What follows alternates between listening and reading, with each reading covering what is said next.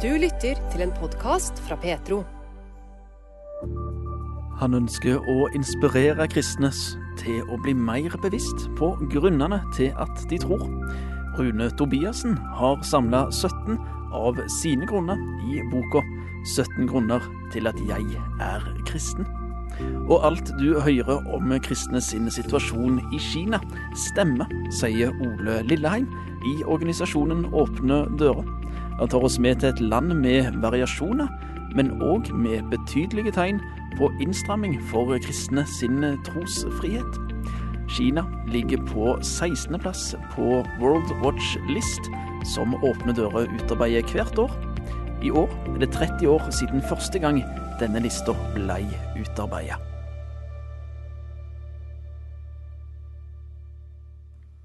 Er Gud interessert i hverdagslivet til enkeltmennesket som haster til eller fra gjøremål i norske byer en vanlig hverdag? Ja, tror Elise Litleskaret.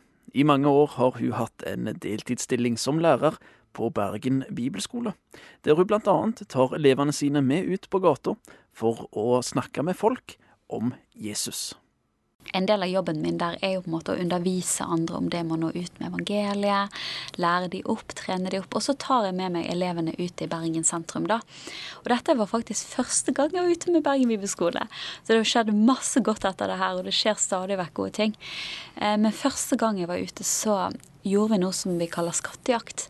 Det høres kanskje litt rart ut, men prinsippet er rett og slett at mennesker er Guds skatter, og vi leter etter Guds skatter. vi spurte Gud hvem er det du vil vi skal møte i dag. Så vi tok oss noen minutter og lyttet til Den hellige ånd. Så skrev vi ned det Gud viste oss.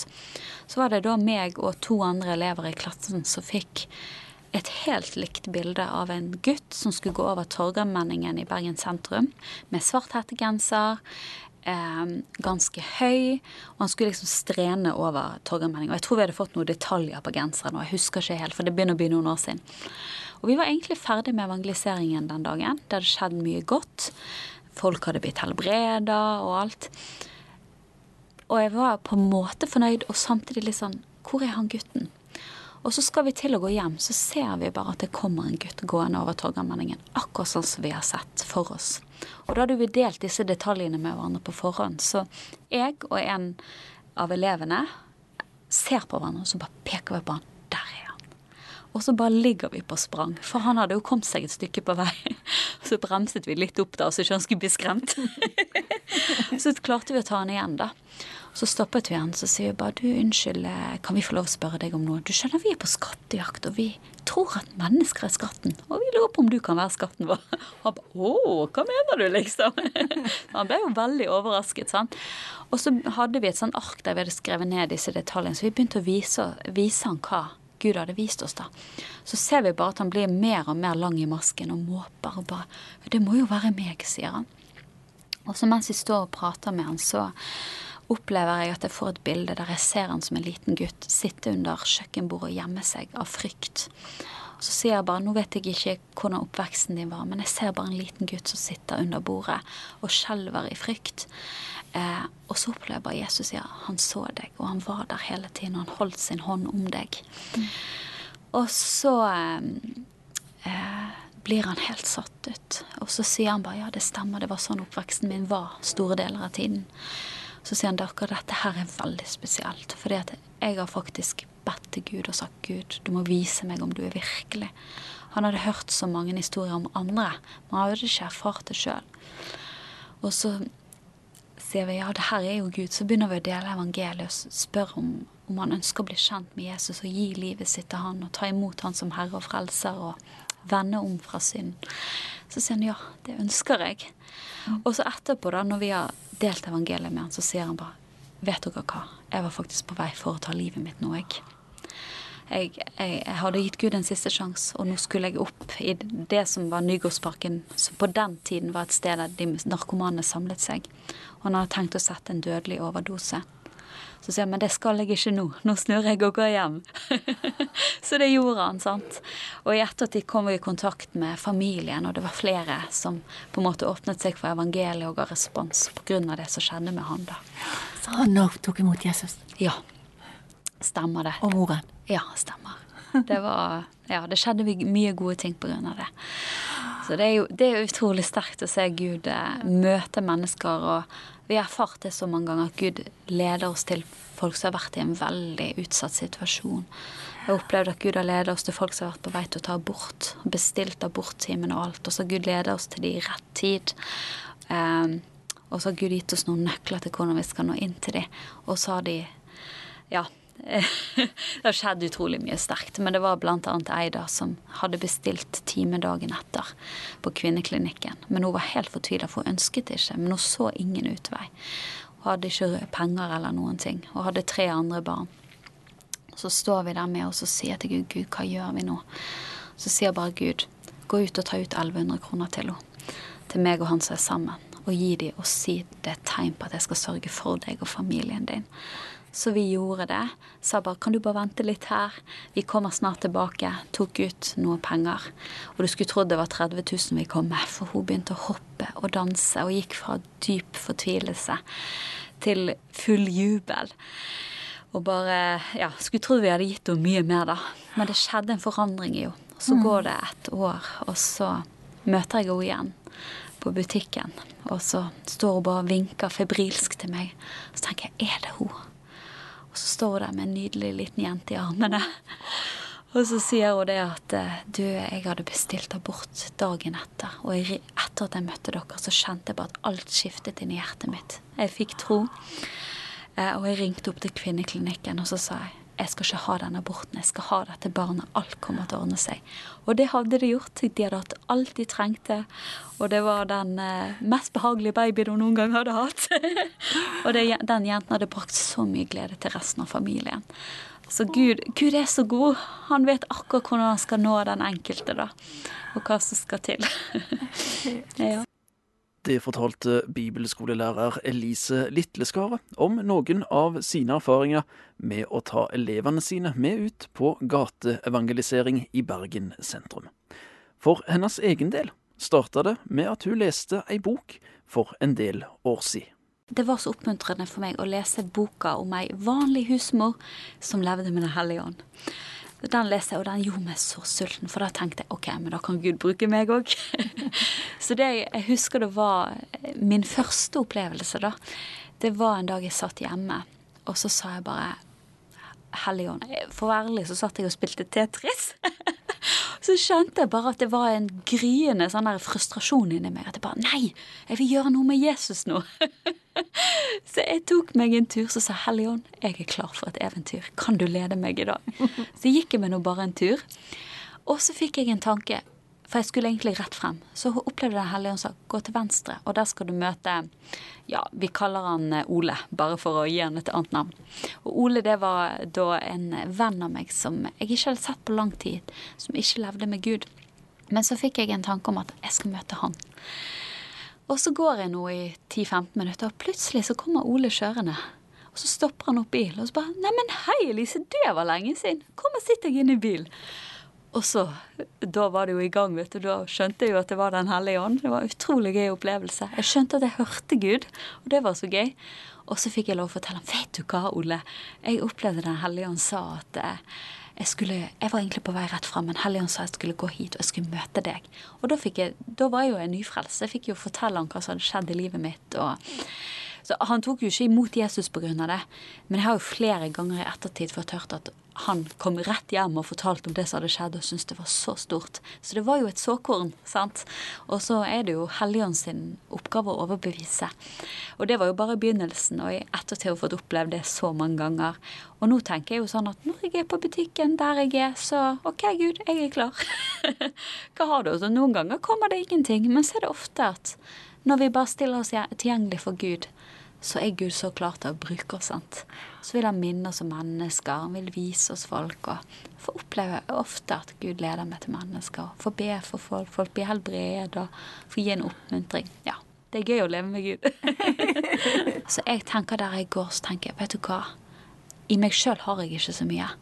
Men jeg har det levende vannet. Jeg har Jesus, Den hellige ånd, på innsiden. Og det jeg har, det lengter mennesker etter. For evigheten er lagt ned i menneskers hjerte. Jeg kan ikke tilby meg sjøl, men jeg kan tilby Jesus. Og han kan mette den tørsten som er i menneskehjerter. stille tilgjengelig for Gud, så vil han gripe inn og gjøre det bare han kan gjøre.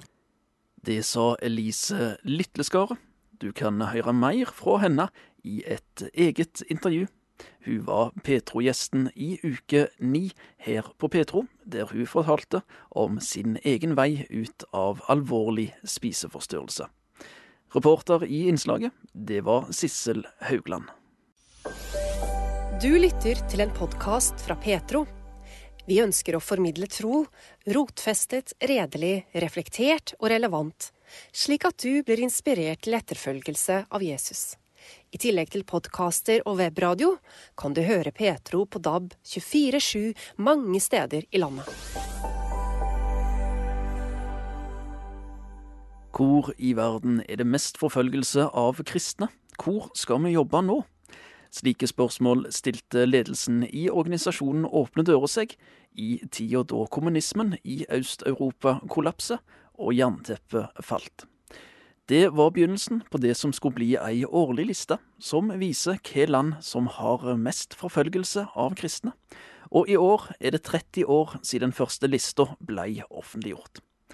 Den internasjonale organisasjonen Åpne dører jobber for mennesker som blir forfulgt for si kristne tru, og Ole Lilleheim har jobba der i mange år, og han forteller at eh, det var forskeren Vibo Nikolai som starta arbeidet med World Watch List. En av grunnene til at vi laga henne, var jo nettopp at jernteppet hadde falt, og vi hadde jo jobba mye inn i Øst-Europa. Men lederne i Open Norse eh, de sa hvor skal vi eh, jobbe nå? Hvor er forfølgelsen høyest? Og Vibo, som han heter, Vibo Nikolai, en god venn av meg òg, Eh, men han kom jo inn og fikk et oppdrag og sa at hvor skal vi nå jobbe? Hvor er forfølgelsen høyest i verden? Slik at Open Doors kan gå inn og, og arbeide der. Det var begynnelsen på det som ble World Watch-lista. Men det begynte jo i, i, Han kom inn i 87. Men den offisielle lista kom jo ut i, i 93. Men før det så har han Eh, avlagt en rapport fire ganger hvert år. Så avla han en rapport foran lederen i Open Doors og sa at dette er de landene hvor forfølgelsen er hardest, og dette er de landene vi jobber i. Så det var jo egentlig et redskap for å finne ut hvor skal vi gå inn og, og jobbe nå når Øst-Europa er, er åpent. Etter den spede begynnelsen for vel 30 år siden for forskeren Vybo Nikolai, så jobber i dag 15 forskere på heltid med den årlige World Watch List. Og 4000 mennesker er involvert i innhenting av data.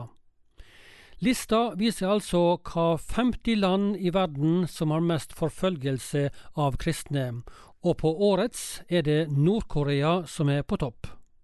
Ole Lilleheim forteller mer om lista, som altså har fått navnet World Watch List. Vi ønsker å ha et øye på, på, det som skjer i verden for de kristne. Vi ser på hele verden og sier hvor er det vanskeligst nå. Og vi har jo 4000 mennesker som vi samarbeider med, og det er jo kristne som rapporterer til oss vi stiller deg mange spørsmål, og ut ifra svarene på de spørsmålene så kommer vi opp med vanskelig, hvor vanskelig det har det med en poengsum. da, Og maksscore er 100 poeng. Og hvis du da tenker på at eh, Nord-Korea skårer 98 poeng på årets liste, så forstår du at det er veldig vanskelig. det. Sier Ole Lilleheim. Han forteller videre hvordan jobben med å lage denne årlige lista over kristne forfølgelse foregår, som til dømes denne historien. Ja, jeg kan gi deg et eksempel. En god venn av meg han var leder i Latin-Amerika for Open Doors Latin-Amerika. Og han var en nordmann, faktisk. Og han fortalte det at når han fikk lista, og at han skulle sjekke i disse latinamerikanske landene, så måtte han oversette den lista til spansk først og fremst. Eh, og så måtte han sende det inn og, da, og skaffe seg kontakter i disse landene med kristne ledere. Og de svarte da ut ifra de spørsmåla om situasjonen, slik at det er de kristne sjøl i landet som forteller og, og, og, svarer på de spørsmålene som vi har. F.eks.: Hvor vanskelig er det for deg å, å skaffe og trykke bibler i ditt land? Hvor vanskelig er det for deg å fornye kirka hvis vi trenger det? Det er sånne spørsmål som de får. da. Eh, og ut ifra svarene sånn så, så, setter vi poengsum. Men, men igjen så er det å finne disse Og det er jo partnerne våre Vi har jo partnere over hele verden og åpne dører. Vi sender ikke ut misjonærer på den måten, men vi finner kirkene der inne, og så jobber vi sammen med dem. Det var en som sa det så flott, at vi hjelper kirka til å være kirke i de landene de er i. Men hva blir World Watch List brukt til i dag, 30 år etter den kom ut eh, første gang?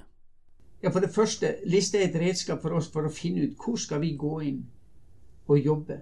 Og hvordan kan vi hjelpe de kristne i disse landene her? Og det er det første lista er. Og så bruker vi jo lista utad til å informere politikere. EU-parlamentet eh, EU e de får bl.a. lista vår, EU-parlamentarikerne. Vi bruker det inn mot norske politikere. Eh, de får òg lista. Og mange politikere de sier vi er overraska over å se den lista for vi har ikke forstått at det er så vanskelig. Og noen bruker hva skal jeg si, eh, Noen kommer med et sånt eh, motforestilling mot åpne dører, fordi det de sier at ja, dere i åpne dører, dere hjelper bare de kristne. Og det blir brukt mot oss. Men som jeg sier, at ja, men lista forteller også et bilde om hvordan situasjonen er for trosfriheten i disse landene her. Noen land vil ikke, så tar de ikke imot lista, vet jeg. Mens i Norge så har politikerne tatt imot lista. Og de, noen bruker henne bevisst for å se hvordan er situasjonen for de kristne. Og etter 30 år med World Watchlist er trenden at kristenforfølgelse øker, forteller Ole Lilleheim. Den, den, øker hele veien. Og det som jeg ser når jeg ser på, når jeg går gjennom lista Det kom et sånn turning point i 2011 eh, med 9-11 med den eh, ekstremismen som kom frem da med terror og sånne ting. Det skjedde noe da.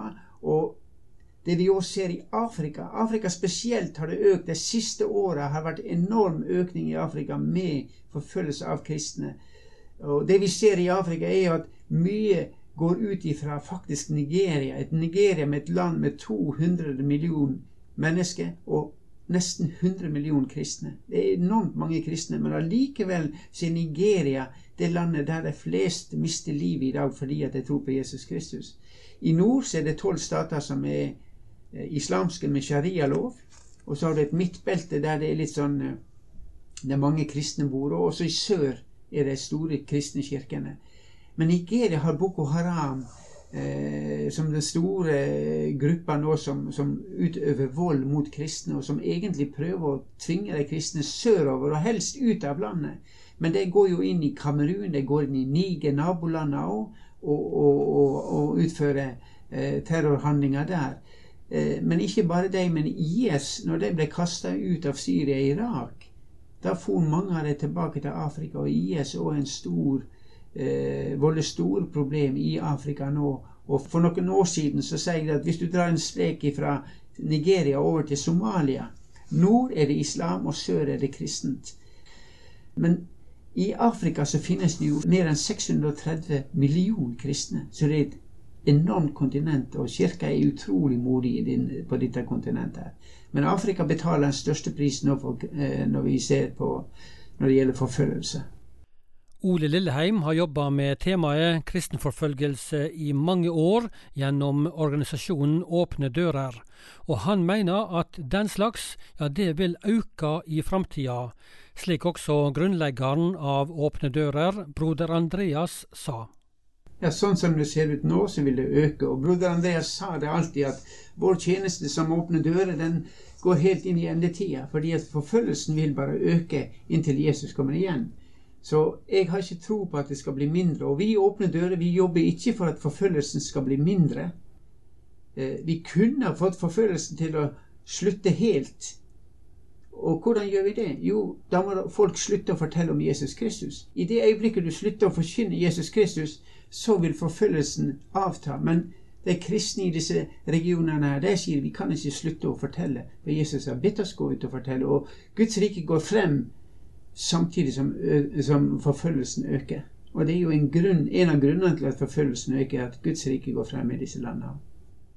Det sa Ole Lilleheim. Han er forkynner og informasjonskonsulent i organisasjonen Åpne dører, som jobber for mennesker som blir forfulgt for si kristne tru. Reporter i innslaget var Inge Kallestad.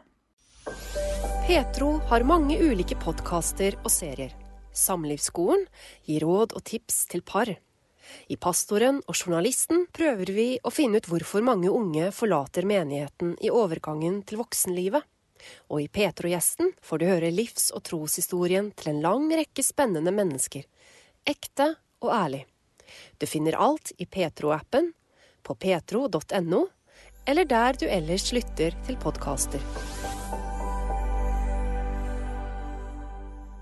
Et land med variasjoner, men der trenden er ei innstramming med tanke på trosfriheten. Vi skal til det store folkerike Kina, som dette året kom på 16.-plass på den årlige World Watch List. Blant de land i verden med mest forfølgelse av kristne. Ole Lilleheim jobber i organisasjonen Åpne dører, som er kjent for sitt arbeid blant mennesker som blir forfulgt for kristen tro. Han forteller om variasjoner i trosfriheten i Kina, men at det generelle inntrykket er at det har blitt verre å være kristen i dette landet. Ja, Den er jo på nedadgående trend på sånn måte at det har jo opplevd stor grad av frihet de siste 10-15 åra. Der det har blitt bedre og bedre å være kristen. Og du ser eh, Kina har bl.a. verdens største bibeltrykkeri i Nanjing, som ble bygd i 1985. Eh, de produserer mange mange bibler, og det, selges bibler, det blir solgt bibler i, i Treselskirken. Og det ble også, de hadde òg en stor grad av frihet til eh, bibelapper, og det ble eh, forskjellige nettsider og sånt. Men det er jo blitt stramma inn kolossalt de siste åra. Og uh, til og med Treselskirka, som er den offisielle kirka, opplever også store problemer. I tillegg til den offisielle kinesiske Tre Selv-kirka, er det husmenigheter i Kina. Husmenighetsbevegelsen, som ikke minst for en del år tilbake var kjent som undergrunnskirka, de opplever òg ei innstramming.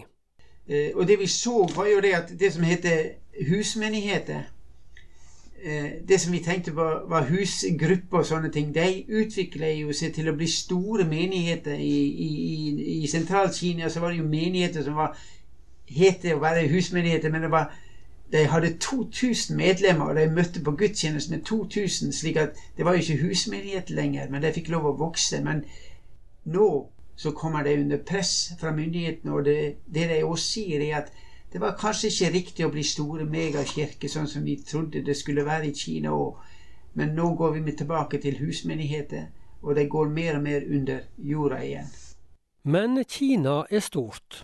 Landet har et folketall på over 1,4 milliarder mennesker, og en regner med at det er ca. 100 millioner kristne i landet.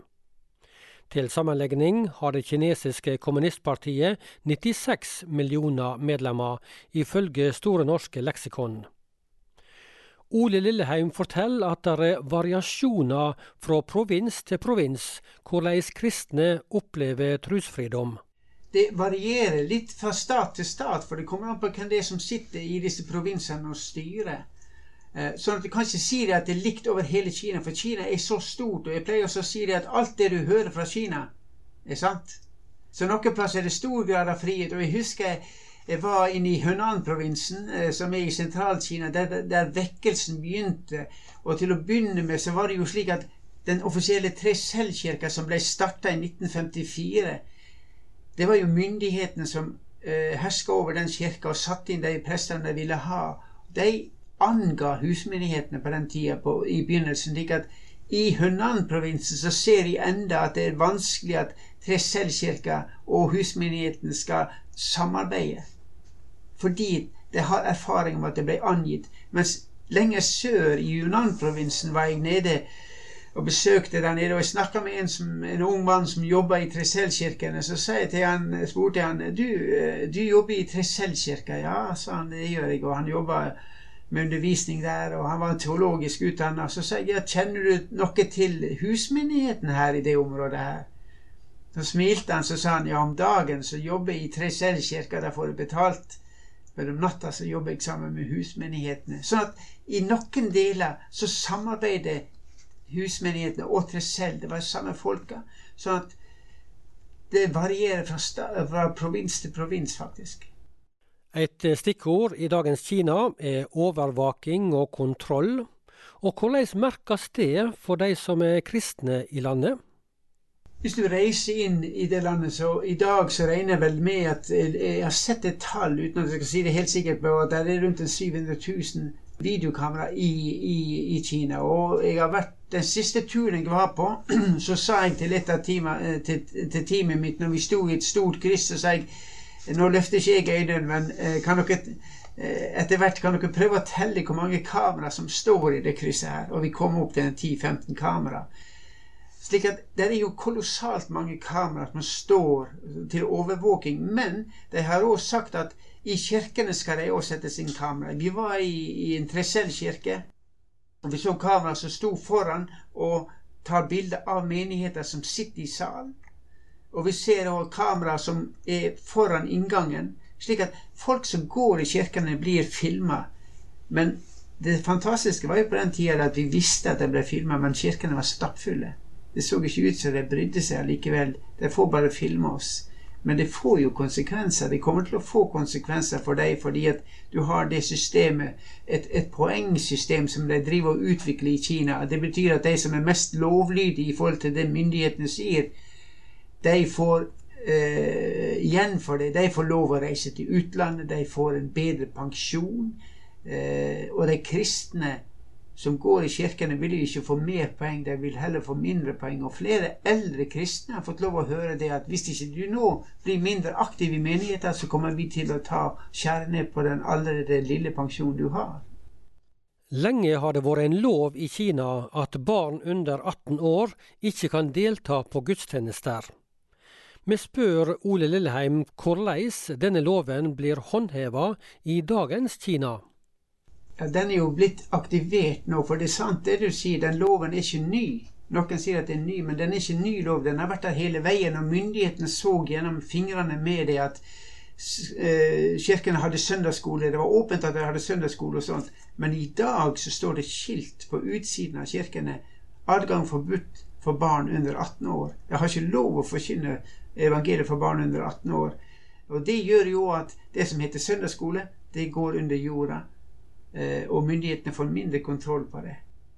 Så kan en fra tid til annen høre om kinesiske kirker som blir fjerna, men grunnen til kirkeriving har ikke nødvendigvis sammenheng med kristenforfølgelse, forteller Ole Lilleheim.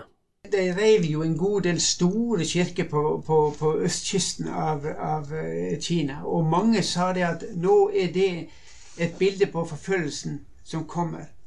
Men at den øker.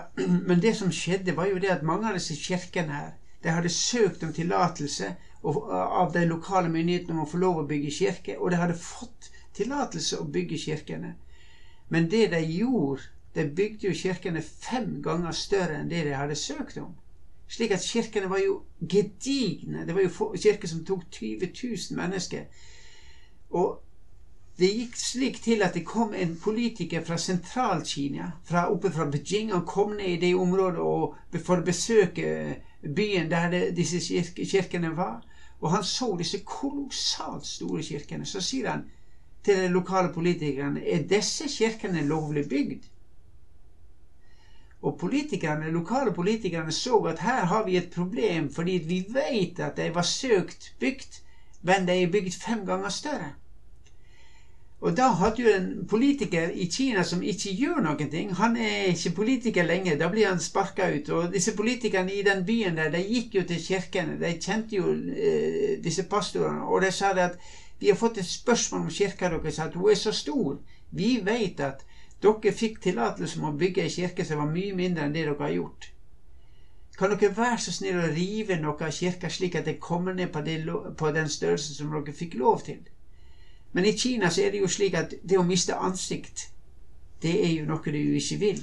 Så pastorene sa nei, det vil vi ikke. Og dermed så ble det jo en kamp for disse politikerne som òg heller ikke ville miste ansikt. De satte hardt imot hardt og sa dere er nødt til å rive.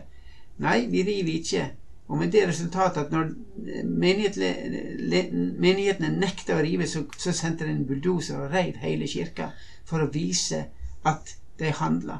Så istedenfor å rive den delen som myndighetene påla, så gav de seg ikke på det eh, i kirka.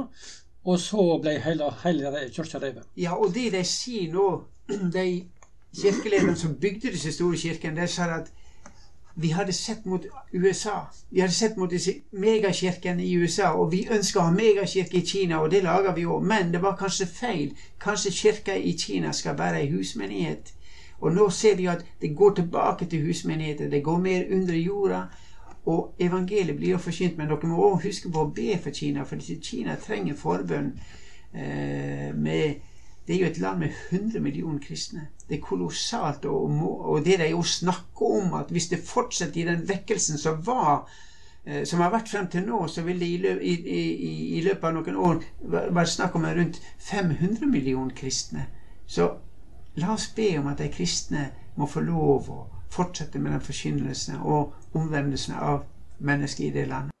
Det sa Ole Lilleheim. Han er informasjonskonsulent og forkynner i organisasjonen Åpne dører. Reporter i innslaget var Inge Kallestad. Takk for at du lytter til denne podkasten fra Petro. Liker du det du hører, setter vi pris på om du tipser andre om radiosendinger og podkaster fra Petro. Du finner oss på DAB, og både radiosendinger og podkaster er tilgjengelige i Petro-appen, som enkelt lastes ned fra Google Play eller AppStore. Rune Tobiassen er pastor i Østsida frikirke og høgskolelektor på kommunikasjon og livssyn ved NLA-høgskolen Kristiansand. Han ønsker å gi ærlige svar på ærlige spørsmål, og har nå satt med 17 av sine grunner til at han er kristen i bokform. Boka er utgitt på Lunde forlag, og har den enkle tittelen 17 grunner til at jeg er kristen. Og Gjennom boka ønsker Rune Tobiassen å utfordre leserne til å tenke over sine egne grunner til hvorfor de tror. Altså, jeg, jeg kjenner på det at det noen ganger hvis jeg spør gjerne unge mennesker hvorfor er du egentlig kristen, så er det ganske mange som svarer at jeg vokste opp i et kristent hjem. Eh, og det er jo på en måte en veldig fin måte å fortelle i forhold til troshistorie, at man på en måte er blitt introdusert for kristen tro og sett hva det virkelig er. Men, men det er jo ikke grunnen til at man er kristen i dag. Akkurat liksom nå. Og til tross for at du nødvendigvis ikke får alt til å gå opp, så, så tror du i dag. Og det er kjempeinteressant å høre hva mennesker svarer på det spørsmålet. Hvorfor er du kristen? Og Det kan være mange svar, eh, og vi kan vektlegge ulike ting. Men her har jeg prøvd på en måte å vise at det er en bredde av grunner. liksom på en måte For både hodet og hjertet, og for liksom hele meg, da. Som, som gjør at det er mange bein å stå på med troa mi. Og det tror jeg mange kristne egentlig kanskje skulle vært mer klar over, hvor bredt vi kan forankre troa. Så det har jeg lyst til å gjøre, å hjelpe kristne til å begrunne deres tro gi dem frimodighet til at de har en god grunn til å være kristen. Og litt av det som du, du sier der òg, med, med, å hjelpe unge eh, og, og, kristne i alle aldersgrupper, for så vidt, til å, å, tenke litt over grunnene hvorfor jeg er kristen. Det er, har du òg med en, en, liten historie, eller en liten melding, er det vel mer rett å si, i, i boka, på et, et, spørsmål som du fikk ifra en, en ung mann. Ja, jeg syns det er fint måten du formulerer det på. For det at det, utgangspunktet her er unge mennesker som ofte baler litt med dette å finne sin egen tro. Kan jeg tro på det som jeg har fått fra mine foreldre? Og hvis ikke man har vokst opp i et kristent hjem, så er dette noe som er min tro verdig. Er det troverdig? Det trenger vi å undersøke gjennom hele livet, egentlig.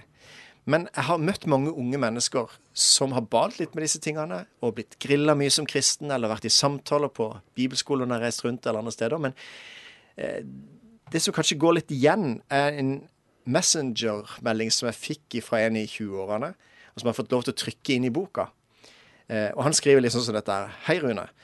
Jeg sitter og lurer på om jeg har arvet en tro, om jeg noen ganger egentlig har vært kristen og fulgt Jesus har vel generelt basert troa på gode følelser rundt lovsang og bønn, og ikke minst forventninger fra familie- og kirkemiljøet. Og Så forteller han videre at det da plager han. Og så nå trenger han å gå opp dette på nytt. Og så spør han meg har du noen eh, ressurser, du, har du tid til meg? Eh, til, jeg vet at du får mange forespørsler som dette, og har du tid til å, å, å vise meg og male bilder, liksom? Og, og, det er litt av hjertet. Jeg har så lyst til å være med og hjelpe unge mennesker, men også eldre, til å vise at dette er en velbegrunna tro. Eh, så det er litt av motivasjonen for at jeg skriver, eh, skriver denne boka. Og eh, jeg tror jo også det, da, at hvis jeg blir bevisst alle de grunnene som jeg har, så blir jeg også mer frimodig til å dele troa med andre mennesker som ikke tror. I boka så har du satt opp 17 av, av dine grunner. Eh, så, så er jo litt spørsmålet hvorfor akkurat 17. Det Ja. kunne ikke vært enklere å bare tok tre-fire spørsmål og, og utdype grunnene, eller de grunnene veldig godt. Eller jeg regner med du kanskje har mer enn bare 17 grunner òg. Hvorfor ikke ta alle grunnene?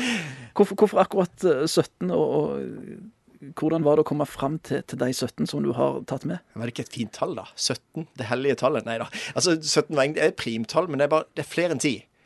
Eh, og det er i hvert fall flere enn 3. Eh, og så er det ikke så mange som 58, for da hadde ikke noen giddet å lese boka. Så på en, egentlig så er det litt sånn at jeg ønsker å vise at det er en, en god bredde, men det har vært vanskelig å begrense det, faktisk.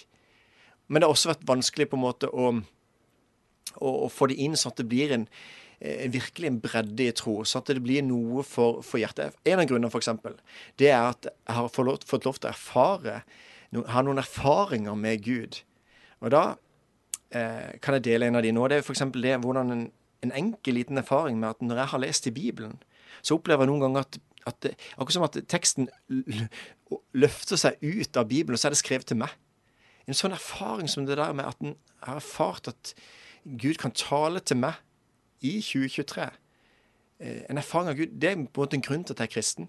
Og så forteller jeg også da at når jeg da fikk en av de erfaringene der, hvor Gud talte til meg inn i en vanskelig situasjon, så opplevde jeg bare noen få dager etterpå at et eh, medlem i menigheten kom og sa Rune, etter en tale, da, så jeg, jeg tror jeg har et ord til deg.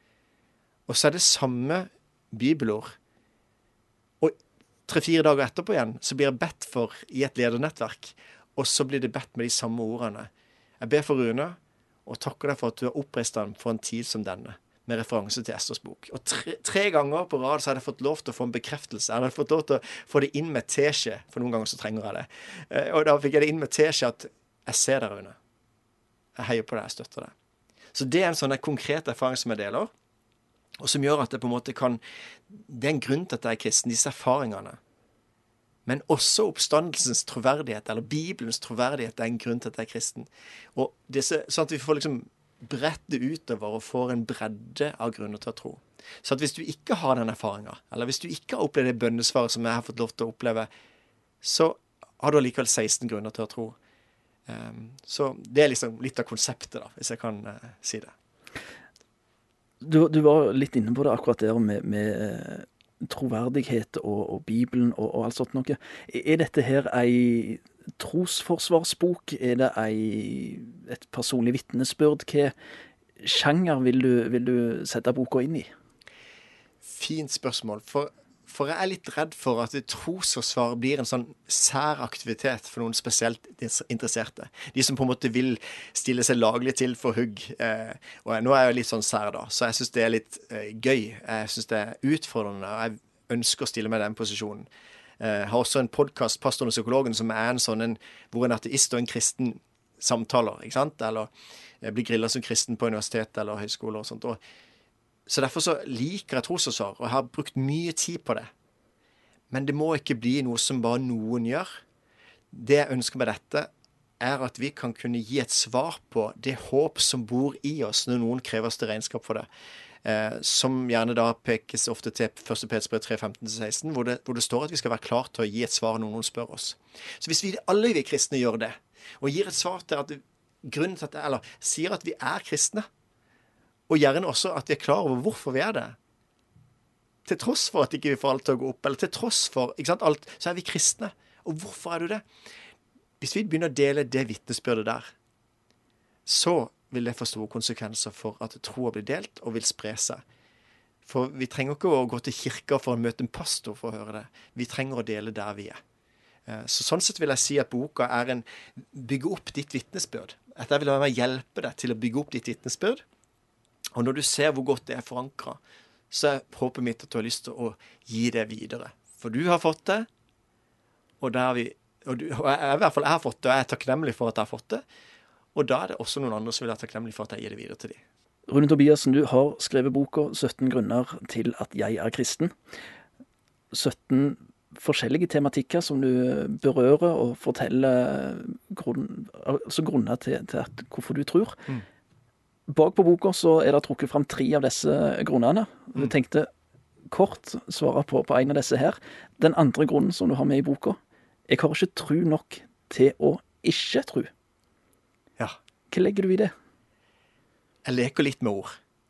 Men jeg tror av og til vi må på en måte ha en liten sånn teaser, eller en måte å si det på som kan skape nysgjerrighet hos den som ikke tror. Så hvis noen spør, Rune, spør meg hvorfor er du egentlig kristen, Rune, så kan jeg på en måte svare nei, jeg har ikke nok tro til ikke tro. Jeg, klarer ikke å tro at alt er blitt til ved tilfeldighet. Jeg kan ikke skjønne hvordan man kan tro at at det ble tilhørt Big Bang for 13,7 milliarder år siden. Eh, på en måte, og at det ikke er noe som står bak det, eventuelt. Ikke sant? Det kan godt være at man kan tro på evolusjon som kristen, men, men det er jo nødt til å være noen som har starta det hele, i hvert fall. Så uansett, så derfor blir det mer sånn Vi må ikke bare se det som at jeg som kristen må gi svar og kunne begrunne for og mot og, og gi svar på alle ting. Alle har et livssyn. Alle har en måte å se verden på. Og da må jeg også kunne utfordre, gå ting opp i deres livssyn. Og da tror jeg det er ganske mange som ikke har reflektert så mye overfor det. De sier kanskje de er ateister, men har ikke tenkt gjennom hva de egentlig tror. De sier bare hva de ikke tror. Og, og derfor så, så, har vi vi kan ha en utrolig frimodighet i forhold til dette med, med at vår tro er velbegrunna. Um, og når jeg jobba et år med, med en masteravhandling på å se nærmere på Human-Etisk Forbund sitt livssyn, eh, og sammenligna med kristen tro, så, så, så, husker jeg at det var sånn åh, jeg kjente på en tvil. Det var, trenger vi ikke Gud? Ikke? Vi har det så godt i Norge. Vi? Men allikevel, når du begynner å stille spørsmål og gå dypere om hvordan kan de si disse tingene, hvordan kan de si at mennesket er verdifullt, hvordan kan vi si at noe er rett og galt, hvordan kan vi si, snakke om mening med livet hvis det bare alt er blitt til ved en tilfeldighet? Sånne spørsmål er litt gøy å gå litt i dybden på. For da, når jeg gjorde det, så gjør det at jeg blir mye, mye tryggere i mitt ståsted når jeg vågte å utfordre min egen tro, så blir jeg mer robust, og så blir jeg ikke så redd for tvil.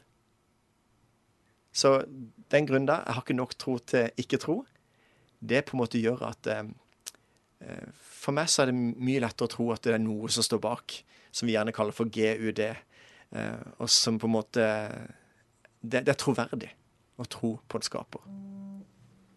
Det fortalte Rune Tobiassen, pastor i Østsida frikirke og høgskolelektor på kommunikasjon og livssyn ved NLA-høgskolen Kristiansand. Nylig har han gitt ut boka 17 grunner til at jeg er kristen. Du kan lese mer om denne på nettsida 17grunner.no. Reporter i innslaget var Tollef Byrkjedal. Du lytter til en podkast fra Petro. Hver veke utfordrer vi i Petro en person til å lese kommende søndagstekst og dele noen tanker rundt denne. Denne veka har det vært Margit Hunemo som har lest søndagsteksten fra Matteus evangeliet kapittel 15, versene 21 til 28, der vi møter noen som kjemper med Gud. Det kan være en tøff og vond kamp, men vi får òg se ei sterk tru.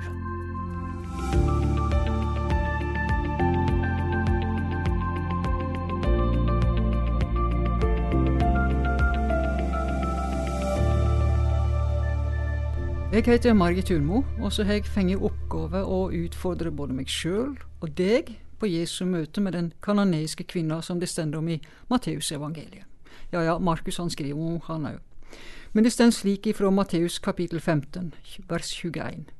Så brøt Jesus opp derifra og for bort til bygdene ikring Tyrus og Sidon. Og sjå, ei kanoneisk kvinne fra de traktene kom og ropa til han og sa, Herre, du Davids sønn, miskunn deg over meg, dotter mi er ille plaga av ei vond ånd. Tyrus og Sidon, det er nå en del av Libanon. Denne teksten syns jeg er krevende, fordi den inneholder en avvisning, og det handler egentlig om Jesus først. For denne kvinna hun ble regna som hedning, og da var det svært upassende at hun gikk og ropa på hjelp. Så spørsmålet trenger seg på hos meg. Åssen kan det henge sammen med at Jesus sier gå for ut og gjør alle folkeslag til læresveiner, f.eks. i misjonsbefalinga? For ikke lenge siden så, så jeg ei overskrift i ei avis, og det sto Hvorfor hadde jeg bedt til Gud når jeg egentlig var ateist? Ja, hva er det som gjør at du og jeg søker noe utafor oss sjøl i kriser? Den heidenske kvinna hun var konkret og direkte i ropet Herre, du Davids sønn. Hennes nød steg opp over alle ytre hindringer. Er det noe hos deg som hindrer deg i å rope på Jesus Kristus?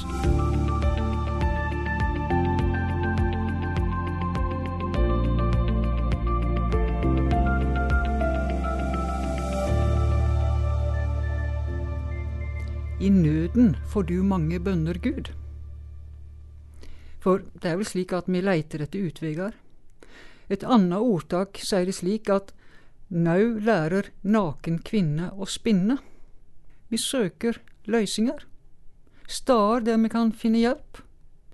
Og dess sterkere og djupere nau, dess mer engasjement og innsats. Men hva vil det si å være i nød? Og hva er nød i vårt velferdssamfunn?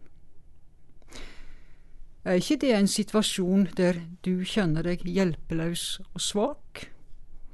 Eller at du på en måte ser at det er ikke noen vei videre, du, du vet ikke hvor du skal gå? Jeg har en hemmelighet til deg som du skal få vite nå. Du skal få del i den.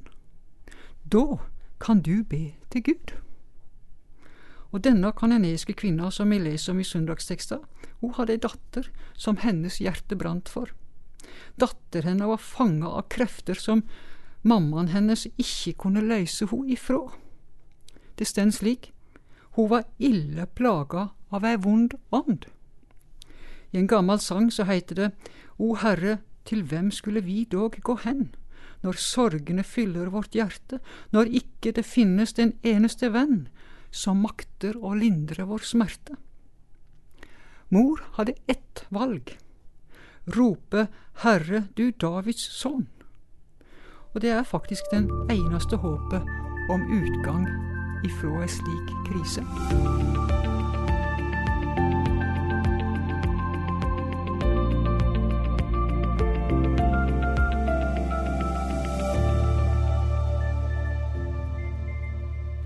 Det handler om den kanoneiske kvinna som ropa til Jesus. Og dattera hennes var ille plaga av ei vond ånd. Og det stend i teksta vår i vers 22. Men han, Jesus altså, svara ho ikke et ord. Har du undrast noen gang over at Jesus ikke svarer på ropet? Ja, har du vært i lignende situasjon som denne kvinna, og erfart det sjøl? Jesus ikke svarer på bønna di slik som du ønsker han skulle svare? Å, men det er slitsomt å kjenne på at ingen vil Høyre. Og da begynner du å lure, skulle jeg ha bedt på en annen måte? Nei, du skal få komme til Jesus uten å gjøre deg til, du skal få komme som du er, og med de orda som er naturlig for deg å bruke. I sangboka, der stender det slik på sang nummer 178, vers 1, og den har jeg lyst til å ta tid til å lese. Ingen vinner fram til den evige ro, som seg ei veldig fremtrenger. Sjelen, den må utstå en kamp for den tro hvorav vår salighet henger. Porten kalles trang, og veien heter smal. Dog kan Herrens nåde åpne himmelens sal. Kjemp da alvorlig, treng fremad med makt, om du vil himmelrik vinne. I livet så opplever vi at ting tar tid, og du kan ikke alltid få det som du vil, når du vil. Og slik er det faktisk òg i møte med Gud. Du får svar når Hans tid kommer. Så kanskje du og jeg skulle be om tålmodighet? For Gud hører, ja, han lytter. Og det er sant det Trygve Bjerkreim sier, det er makt i de folda hendene.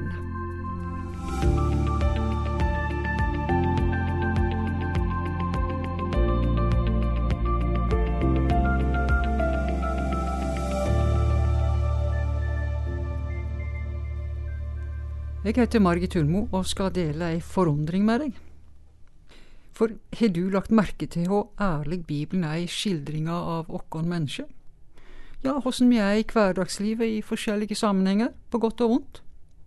Ja, for til og med læresveinene, og du og jeg som kristne, kan få et speilbilde av oss sjøl i enkelte av de tekstene vi finner i Bibelen. Og i høyeste grad syns jeg det gjelder søndagens tekst om den kanoniske kvinna som roper til Jesus om hjelp for dattera si, i Matteus 15. Det står slik i vers 23. Læresveinene hans, altså til Jesus, kom da og ba Jesus og sa, vis ho vekk, hun gjeng og roper etter oss. Kunne jeg, eller du, ha sagt slikt til Jesus noen gang? At de ikke er gode nok, eller de ikke er rette slekta, eller ja, kanskje de ytre sett bryter med framferd og etikett? Har du da spurt deg sjøl, jeg har iallfall gjort det av og til, stend jeg i vegen for noen med livet mitt, med holdningene mine, med orda mine? Tenk om jeg kunne stanse litt opp og spørre den som roper etter meg, hva vil du? Kan jeg hjelpe deg? Ja, gjøre som læresvein Philip.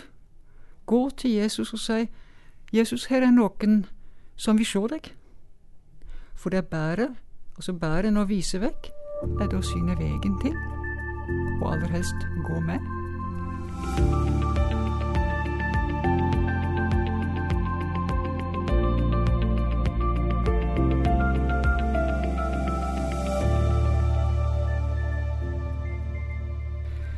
Men han, Jesus, svara og sa, Eg er ikke sendt til andre enn de bortkomne sauene av Israels hus.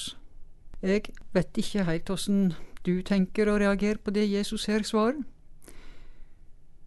Jeg er ikke sikker på åssen jeg reagerer sjøl heller. Men i andre omsetninger av denne teksten så står det de fortapte sauene, og det er ganske sterke ord, spør du meg. Så her sier Jesus beint ut at noen er innafor, mens andre står utafor. Og vet du, jeg er altså rett og slett glad for den nynorske ordlyden. For den ber i seg en lengt, en, et sakken.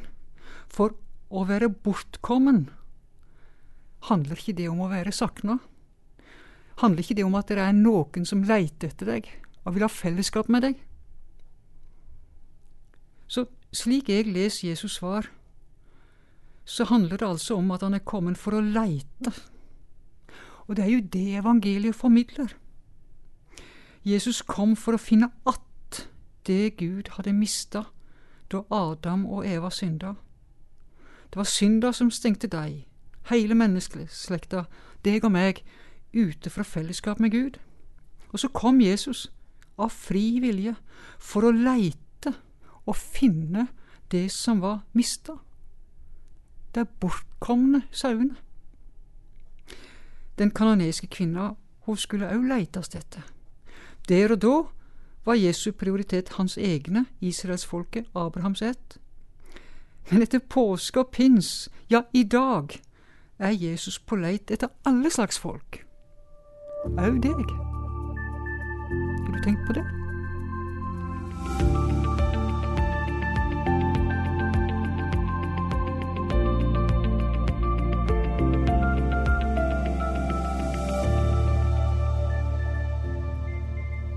Han, Jesus, svarer og sa, det er ikke fint å ta brødet fra bånda og kaste det til hundene. Her, er dette et svar å gi når noen roper på hjelp? Jeg vil nok mene at ei tydeligere avvisning er det ikke mulig å få. Eller tar jeg feil? Ja, for hvordan ville du ha reagert om du fikk et slikt svar? Henta fram krenkekortet og blitt ferdig med alt det Jesus står for, når han svarer så uhøflig og ufint?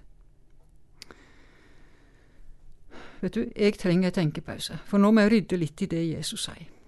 I vers 24 sa Jesus at han var kommet til de bortkomne sauene av Israels hus. Ok, den kanoneske kvinna, hun er ikke jøde. Så derfor er ikke hun regna med Israels hus. Han måtte altså først se til at hans egne forsto at han var den han sa han var, Davids sønn, Guds Messias. Og så er det det at så langt var ikke tida kommet. Tida var rett og slett ikke kommet. svaret som kvinna gir Jesus i vers 27, kan tyde på at hun forsto det Jesus sa. Hun ble ikke krenka.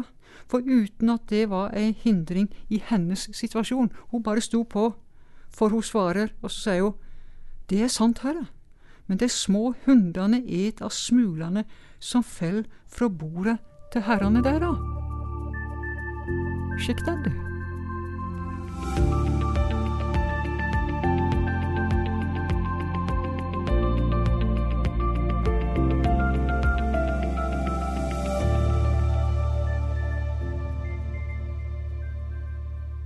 Det var Margit Hunemo som denne veka hadde lest søndagsteksten fra Matteus 15, vers 21 til 28, og delt noen tanker med oss i serien Refleksjon.